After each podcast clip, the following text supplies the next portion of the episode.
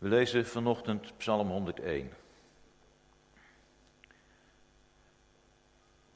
Van David, een psalm. Ik wil zingen over trouw en recht in een lied voor u, o Heer. Nadenken over de volmaakte weg. Wanneer zult u bij mij komen? Ik handel met een zuiver hart, ook in mijn paleis. Niets staat mij voor ogen wat boosaardig is. Gedraai, ik haat het. Ik laat mij er niet mee in. Van sluwheid houd ik mij verre. Het kwaad wil ik niet kennen. Wie heimelijk een vriend belastert, leg ik het zwijgen op. Een trotse blik, een aanmatigend hart, verdraag ik niet. Mijn oog zoekt de getrouwen in het land. Met hen wil ik mijn woning delen. Wie de volmaakte weg bewandelt, mag mij dienen. In mijn paleis is geen plaats voor wie liegt en bedriegt. Wie onwaarheid spreekt, komt mij niet onder ogen. De schuldigen in het land breng ik elke morgen tot zwijgen. Uit de stad van de Heer verdrijf ik alle die onrecht begaan.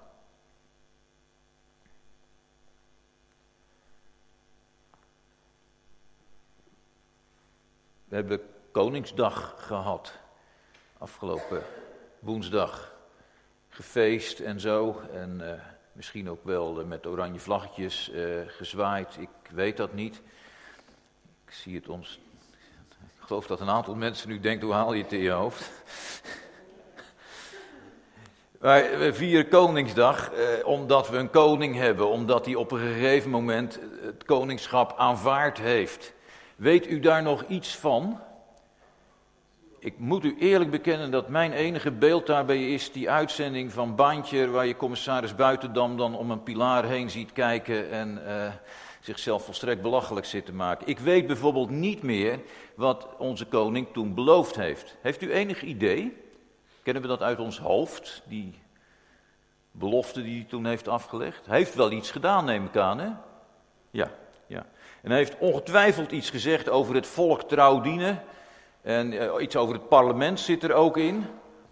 Dat vind ik heel knap als je kan beloven dat je daar serieus naar zult luisteren, soms op sommige momenten.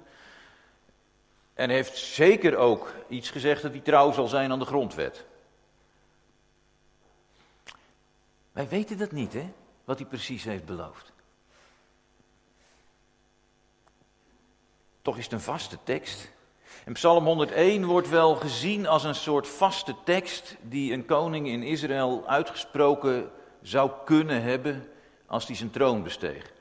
Als je erop zoekt op Psalm 101 in commentaren en uh, uh, in andere zoekmachines, dan tref je dat vaak aan als een, een gedragscode haast. Een code of conduct zeggen we dan uh, tegenwoordig. Maar in gewoon Nederlands is dat een gedragscode. Een gedragscode voor een koning. Gedragscode voor de ideale koning misschien, maar wel iets dat met een koning te maken heeft. En is het dat ook? Of houden we die psalm dan misschien iets te veel op afstand? Maken we die koning dan misschien iets te moeilijk en onszelf iets te makkelijk? Want waarom zou dit alleen over een koning gaan? Een koning in Israël, zegt Deuteronomium 17, is iemand die uit jullie midden wordt gekozen. Is niet iets dat van boven naar beneden komt, maar is iets dat uit het volk opkomt. Het woord dat hier in de MBV-vertaling met paleis wordt eh, vertaald, dat is eigenlijk gewoon het woord voor huis. Het huis van de koning is inderdaad een paleis, maar het is het normale woord voor huis wat er staat. Dus het is een keuze van de vertalers eh, om daar een paleis van te maken. Een keuze om het echt iets van een koning te laten zijn. Maar het woord koning komt er niet in voor in die tekst. Er staat wel een beetje een, een soort verborgen verwijzing naar Deuteronomium 17 in, maar niet heel expliciet. Dus misschien gaat het wel niet alleen over een koning, maar over iedereen die een huis heeft, een plek waar hij woont, een plek waar hij verantwoordelijkheid draagt. Maar goed, die taal is natuurlijk wel een beetje hoe zal ik het noemen, wat gezwollen misschien? Had u toen ik het voorlas, hadden jullie ook niet zoiets van, nou het klinkt wel een beetje als borstklopperij, dit ben ik allemaal aan het doen, kijk mij eens. Wat ben ik toch een knappe koning. Nee, niemand die dat dacht? Oh, nou, dan had ik hem iets zwaarder moeten voorlezen misschien. Uh, het is wel goed om even, ook dat is een vertaalkeuze. Het staat vertaald als een tegenwoordige tijd. Zo doe ik het. Dat komt niet mijn huis binnen. Uh, daar begin ik niet aan. Ik, ik doe altijd recht. Het, als je naar het Hebreeuwse werkwoord kijkt, is het niet altijd even duidelijk wat er nou precies qua tijd staat. Het Hebreeuws werkt daarin wat anders dan ons, uh, ja toch wat Latijnsere werkwoordsbegrip. En ik zie dus ook vertalingen waar dit als een toekomende tijd wordt vertaald. En ik denk dat dat meer recht doet aan wat hier staat. Er is maar wel geteld één, één werkwoordje wat in wat, wat wij dan noemen de voltooide tijd staat. Ik haat al dat gedraai van al die mensen die, die hun eigen belang zoeken. En voor de rest kan het net zo goed, en ik denk beter, een belofte zijn, een verlangen. Ik wil graag, ik zal ervoor zorgen, ik beloof dat ik me af zal wenden van het kwaad, dat ik oprecht zal handelen. Ik zal ervoor zorgen dat ik recht spreek, dat ik de juiste keuzes maak. Als een verlangen, als een belofte. Misschien als een troonbestijgingsbelofte van een koning, maar daarmee ook iets wat als verlangen in ons hart mag zitten. En dan komt het wat mij betreft allemaal wat dichterbij. Dan wordt het wat hanteerbaarder. Want als ik het lees als een tegenwoordige tijd of een verleden tijd, dan heb ik zoiets van, nou dat gaat dus duidelijk niet over mij. ik denk dat dat ook is wat deze psalm probeert te doen. Ons iets laten zien waar we naar mogen verlangen. Iets wat een persoon die verantwoordelijkheid neemt, koning bijvoorbeeld, eh, maar ook iemand die voor de klas staat, of die verantwoordelijk is voor een afdeling of voor een bedrijf. Dat die zegt, zo, zo wil ik in het leven staan. Ik beloof dat ik dit zo ga doen. Wat is dan de hoofdzaak van die belofte? Dat is ook wel goed om naar te kijken. Dat is niet van ik zal zorgen dat er voldoende bewapening is en dat de muren stevig staan en allemaal van dat soort dingen. Nee, het gaat om iets dat van binnen zit. Het woord dat steeds terugkomt, is een, het Hebreeuwse woord is tamim. Het wordt vertaald met volmaakt, perfect. Uh, het heeft, tegenwoordig zou je eigenlijk zeggen integer. Het is een wat modern woord. Uh, het betekent onverdeeld. Niet meerdere belangen dienen. Niet doorlopend die worsteling tussen je eigen belang en, en wat God wil. Niet doorlopend eigenlijk net even over de grenzen gaan van wat kan en wat mag. Dat woord komt steeds terug en dat zie je dan vertaald van niet, niet, niet iemand heimelijk belasteren. Dat is de meest concrete die erbij staat. Als iemand achter de rug van zijn vrienden om zegt, nee je weet toch wel, hè? Niet, niet. Gewoon weg daarmee. Omdat je dan verdeeldheid zaait, omdat het dan leidt tot een breuk. Het gaat om, zegt de eerste zin, gaat om trouw en recht. Geset en mishpat in het, in het Hebreeuws. En dat zeg ik niet om, om interessant te zijn, maar mishpat betekent gewoon een, een richtlijn, een rechtvaardigheid, een rechtvaardig oordeel. Maar geset is een wat ingewikkelder woord. Dat, dat kun je ook vertalen met goede tierenheid, met genade, met ontferming. En om die beide gaat het kennelijk in deze psalm. De rabbijnen hebben gezegd, uh, die, die zin moet je lezen als ik zal zingen als God mij genadig is, dan zal ik hem lofprijzen. Maar ook als hij over mij oordeelt, zal ik hem nog steeds lofprijzen. Het kan, het kan, maar het is misschien eerder een oproep van ik wil die genade van God, ik wil die goede tierenheid niet uit het oog verliezen, ook in mijn handelen. Als koning, maar ook gewoon als kind van God. En ik denk dat dat belangrijk is, omdat het ons erop wijst dat we het niet zo makkelijk allemaal wel even alleen kunnen.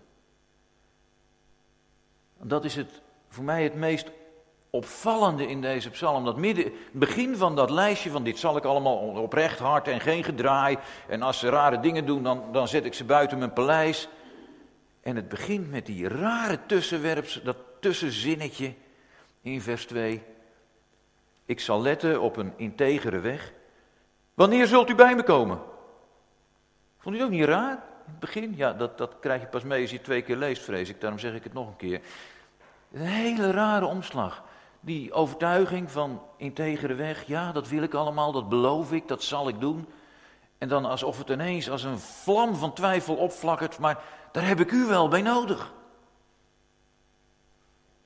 En dat is natuurlijk ook zo. Wij kunnen er wel naar verlangen om met een onverdeeld hart bezig te zijn in ons eigen huis, in de gemeente, de plek waar we in de samenleving staan. Maar lukt het ons ook? Beloven we niet heel snel te veel als we dat zeggen? Of we nou koning zijn, of raadslid, of in een commissie zitten, of gezegd hebben dat we in de gemeente willen zitten en dienstbaar willen zijn. Het is die ene uitroep, dat tussenzinnetje. Ik wil het wel, maar wanneer komt u mij helpen? Dat volgens mij deze psalm voor ons hanteerbaar maakt. Dan kunnen we erbij.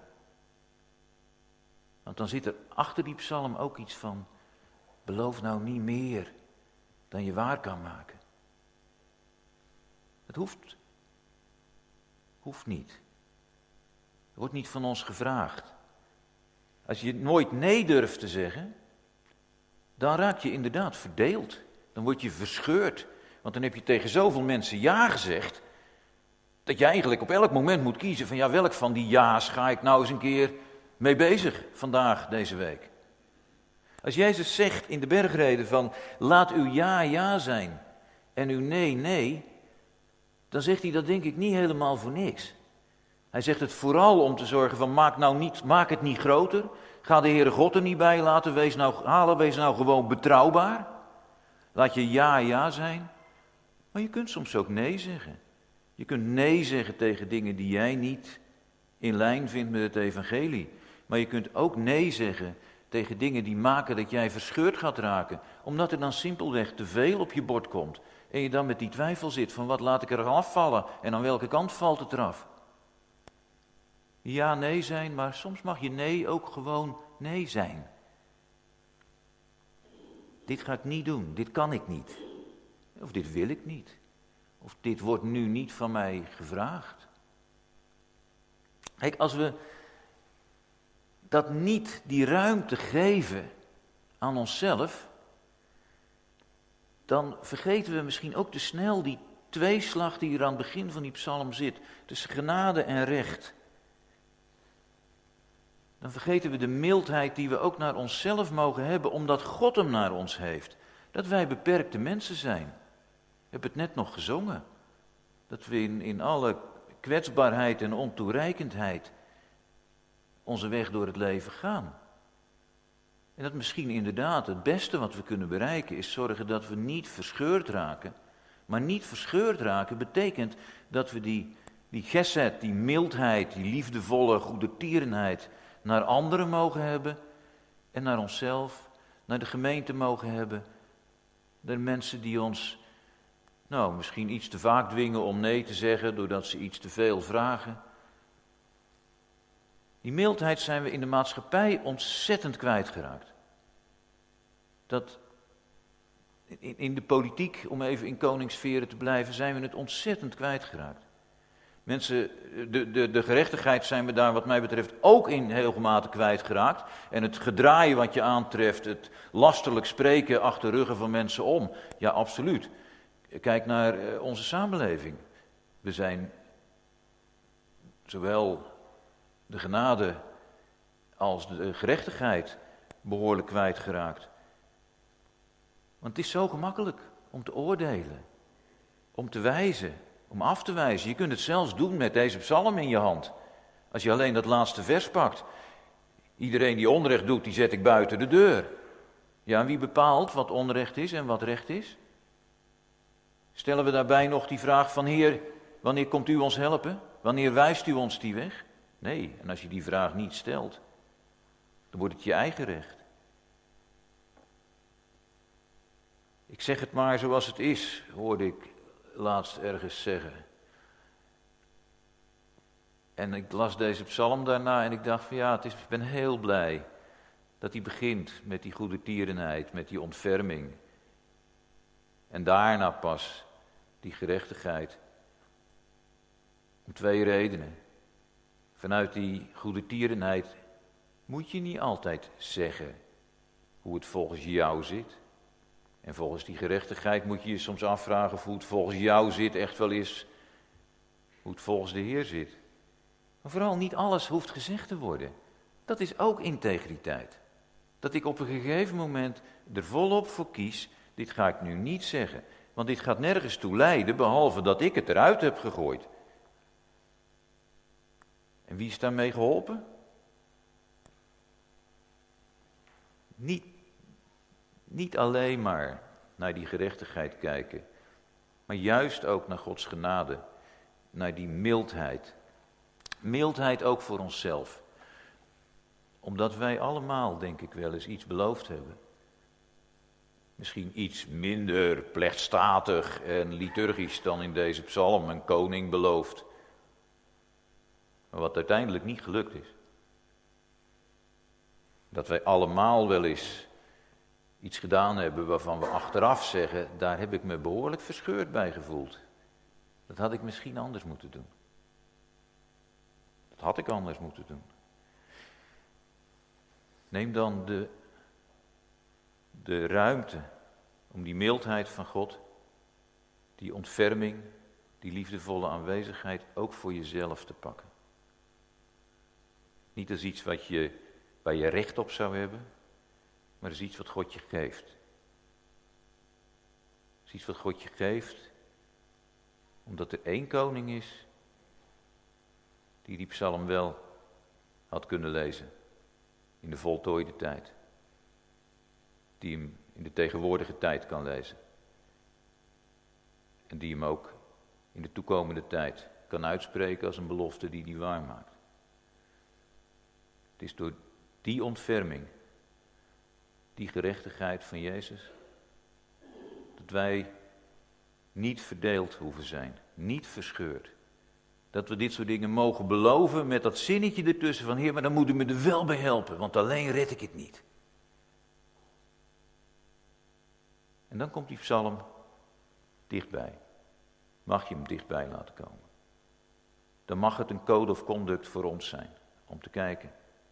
Zijn we zo als gemeente? Ben ik zo als ik verantwoordelijkheid neem op mijn werk? Dan is het niet op de borst kloppen. Nee. Want het is een verlangen, een belofte. Maar dan is het ook niet eng. Omdat je dat zinnetje ertussen hebt gezegd van hier. Komt u dan wel bij me om te helpen? Want in mijn eentje red ik het niet. Help me om het samen te doen. Amen.